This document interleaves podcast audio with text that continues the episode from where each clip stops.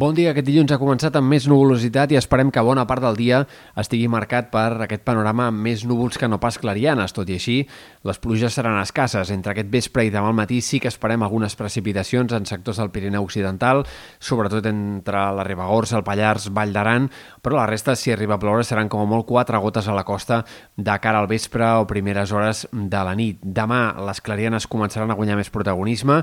Aquest dimarts i dimecres el sol predominarà molt més que no pas els núvols, però de cara a dijous, divendres i al cap de setmana arribaran noves pertorbacions poc actives, però que tornaran a fer que el cel sigui canviant i que pugui haver-hi fins i tot alguns ruixats puntuals. Entre dijous i divendres podria haver-n'hi alguns a la costa, precipitacions que no s'entreveuen gaire destacables, i de cara al cap de setmana sembla que tornarien les nevades al Pirineu, aquesta vegada amb una cota de neu més baixa, ja al voltant dels 1.000-1.500 metres de cara al cap de setmana en aquests sectors del vessant nord, sobretot de la Serlada.